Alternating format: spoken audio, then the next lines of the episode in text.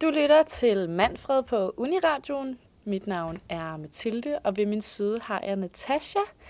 Og vi er på vej ned til Drive Studios for at tale med Oscar Giese og Nikolaj Akton, som er skaberne bag ungdomsserien To Døgn, og den helt nye Fritland, som vi skal høre meget mere om. Fælles for serierne er, at de begge foregår i den her kriminelle underverden, hvor seriens karakter står over for svære valg. To døgn havde premiere i starten af 2021 og handler om de to fædre Otto og Christian, som kommer ud i noget rod med bandemiljøet og den kriminelle underverden efter en ellers uskyldig bytur. Serien har haft et ret nyt look i forhold til andre danske ungdomsserier og er spækket med action. Efterfølgende så har de to så fortsat samarbejdet og skabt Frit Land, som er en forløber til serien. Og den omhandler karakteren Nikki, som også optræder i to døgn. Serien Fritland skal vi høre meget mere om. Både skabelsen, inspirationen og rejsen, de to serieskabere har været på. Vi sidder her med Oscar Giese og Nikolaj Akton, øhm, og I er ude med en helt ny serie, Frit Land, som er en forløber til to døgn, øhm, som jeg også arbejder sammen på. Og øh, Oscar, du er forfatter. Ja. Og Nikolaj, I, du er instruktør. Korrekt. Velkommen til. Tak. Vil, tak. øh, vil I ikke starte med at fortælle lidt om, hvad Fritland handler om? Altså, vi har lavet to døgn jo sidste år, som ligesom er på en eller anden måde sådan to, øh, hvad skal man sige, normale i godsøjne, eller tilfældige gutters vej ind i den kriminelle verden, fordi de ligesom får en dumbøde, og så eskalerer det bare og bliver værre og værre. Så det er ligesom den kriminelle verden udefra på en eller anden måde. Det, som vi synes var spændende ved det arbejde, øh, som vi lavede på sæson 1, mig og Nikolaj, det var, at vi jo kom ret langt ind i at snakke med folk, der havde været en del af den kriminelle verden på den ene eller den anden måde. Så Fritland er en historie om den kriminelle verden indenfra, kan man sige. Det handler om en uh, ung, uh, ambitiøs mand, som er nederst i hierarkiet i en bande, og gerne vil kæmpe sig hele vejen op til toppen. Var det hele tiden planen, at Fritland øh, skulle skabes, eller det opstod i processen med at skabe to døgn? Uh, der er meget politik i det. Det, er, det, altså, det var hele tiden meningen, at vi skulle lave en to døgn sæson 2. Vi havde ligesom et, øh, vi har en broadcaster, som fuldfinansierer vores projekter, og dem havde vi ligesom pitchet en uh, sæson 2 til, og vi havde fået noget udvikling til at få lov at lave det. Og så uh, sker der det, at den broadcaster lige pludselig skifter mening, uh, strategi, strategi uh, og har lyst til at satse på nogle andre genrer osv. Så, videre. så den pose penge, der skulle ligge til vores oprindelige sæson 2, blev sådan halveret uden at nævne et fast beløb, så fik vi bare halvdelen af de penge, vi skulle have haft. Det vil sige, at det manus, vi ligesom havde siddet og skrevet til toeren, var vi nødt til at krølle sammen og smide skraldespanden. Fordi at det var jo ligesom skrevet ud for et budget, på, øh, der kunne matche sæson 1, så nu har vi en pose mindre penge, og så skal vi så finde ud af, hvad fanden gør vi så? Vi har stadig fået pengene, vi har stadig fået lov at lave noget, så indgik vi et kompromis med broadcasteren om at lave en lidt mindre serie. Altså ærligt, mig og Oscar sad og rev håret ud af hovedet på hinanden mm. i hundredvis af timer herinde, for at finde ud af, hvad fanden skal vi så gøre, ikke? Vi var ved at kaste håndklæde i ringen og blev pis fornærmet over, at vi ikke fik vores vilje og alt det der. Ikke? Man skal lige igennem den der egomølle hver gang. Ikke? Og så endte vi med til sidst at lande på, at vi tog fat i en af de karakterer, som vi synes var mest interessant ved etteren. Og også ham, der havde fået bedst anmeldelser hele vejen rundt. så det var sådan et, et populistisk valg. Og så øh, tænkte vi, hvorfor skriver vi ikke en, en spin-off på den her karakter, der er faktisk, han er faktisk en ret sådan nuanceret karakter, selvom han spiller ret endimensionel i etteren. Er en bølle, ikke, der tror folk. Men så tænkte vi, hvad nu hvis man fortæller den sådan uh, helt klassisk bagsiden af medaljen, eller den anden side af, af hvordan man bliver til en psykopat. Det er også meget spændende, ikke? Så man starter, det er Darth Vader, vi har lavet i virkeligheden. Vi går bagud og fortæller, hvordan han ender, så hvordan det ender så galt. Ikke? Så det, var, det har været en, lidt krum, krummet vej herhen, men jeg vil sige, nu sidder vi med et resultat, som jeg ikke tror, vi havde fået lov at lave, hvis vi havde startet med at pitche det. Mm. Så det er faktisk held i uheld på en eller anden måde, at vi har fået lov at lave et projekt, vi faktisk har brændt, brænder rigtig meget for, og har lavet en historie, jeg går meget op i at få lov at fortælle. Og jeg tror ikke, at den havde gået, hvis vi havde sat os ned og pitchet det, som det er nu. Kan man se Frit Land, hvis man ikke har set to døgn?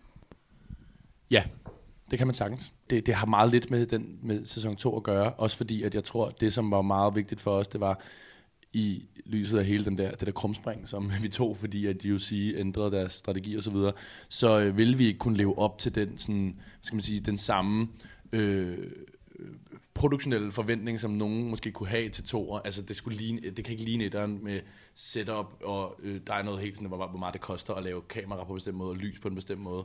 Øh, og vi vidste, at vi var nødt til at gå meget med rock and roll, meget mere Vinding Reften pusher-agtigt, ikke?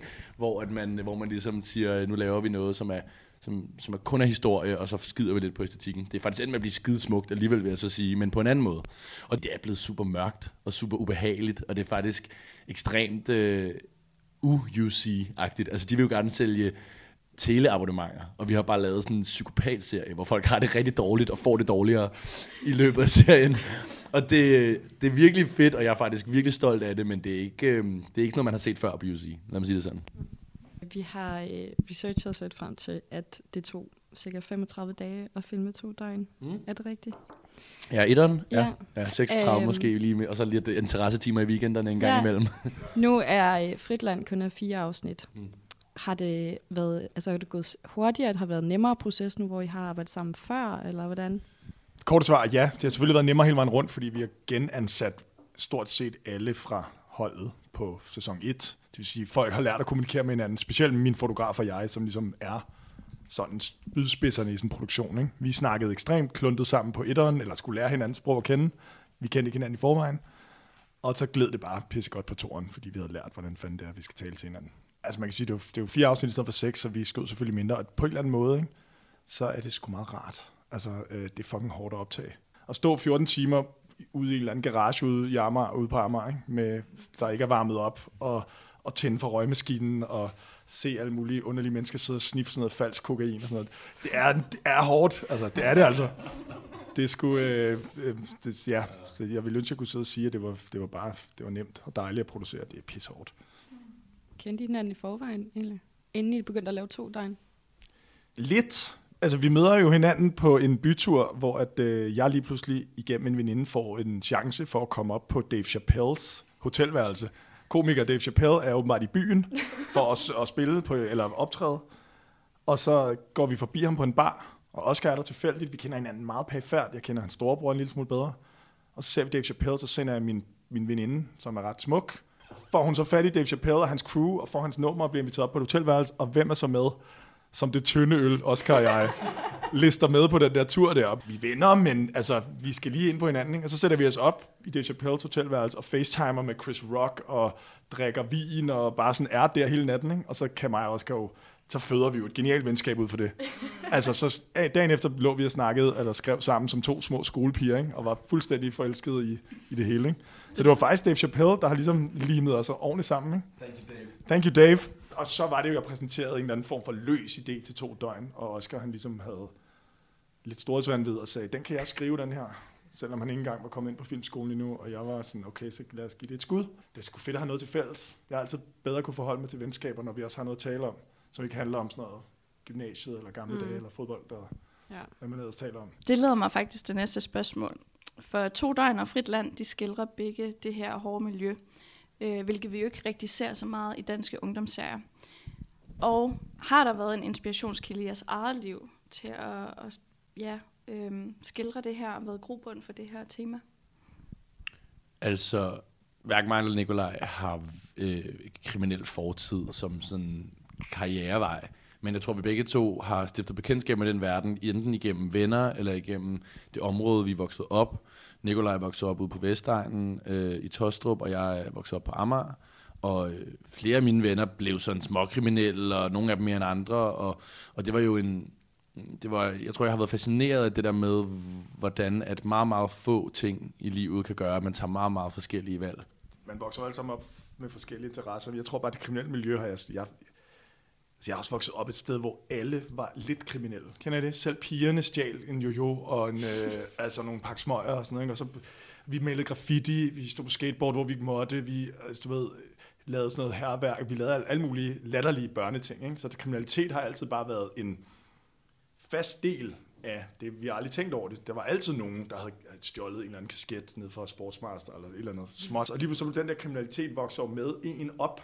Og så lige pludselig så sidder vi altså, har jeg oplevet mig selv, øh, befinde mig i nogle situationer, som faktisk har været sådan ret hardcore kriminel. Altså selvom jeg ikke har haft aktie i det, så har jeg lige pludselig haft en ven, der har lavet et eller andet sådan, du ved, alvorligt kriminelt lige pludselig, øh, uden vi rigtig har tænkt over det.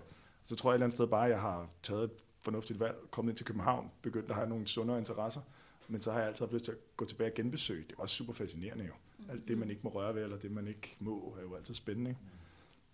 Og så var det jo sjovt nok, når man så tager et par, et par år med film, eller hvad vi har gået og lavet, så er der nogen, der har taget et par år som hardcore kriminelle, eller pusher, eller et eller andet, så kan man jo så kan man jo gå tilbage til dem og spørge dem om, hvordan det er, og så kan man portrættere det. Vi har jo også gjort det i casting, at vi har castet folk, der har boet i kriminelle områder, eller har begået kriminalitet selv, eller har boet i et ghetto-miljø, og vi har prøvet at gøre det så autentisk, vi overhovedet kunne ved at inkorporere, eller hvad kan man sige, øh, inkludere mennesker fra miljøet, og det har vi selvfølgelig også gjort på manusplan. Vi har også været ude og snakke med forskellige mennesker, der har fortalt os om, hvordan smuglerruter fungerer ned igennem Europa. Det ved vi jo ikke en skid om, men mm. der har vi er nogen, der, der gør. En, ingen navne nævnt, men, men som kan fortælle os, hvordan sådan noget hænger sammen, så vi kan komme, komme med en skildring af det, der ikke er sådan helt tegnefilmsagtigt. Vi prøver at lægge os så tæt op af det, som vi kan. Nu har du, Oscar, jo også medvirket i forskellige film, Ja. blandt andet Nordvest, som også foregår i det her kriminelle univers. Øh, og så spiller du hovedrollen i to døgn. Hvordan har det været for dig at skulle leve øh, sig ind i de her ret hårdkogte karakterer? Altså, man kan sige, Nordvest var for mig og min bror, som spillede øh, de to hovedroller, var, øh, altså det var ikke en hård karakter, jeg spillede der. Altså, det var et hårdt miljø, men i virkeligheden så det, det handlede om, var at gå ind og lave en autentisk brødre-relation, hvilket vi jo øh, var, fordi vi var brødre.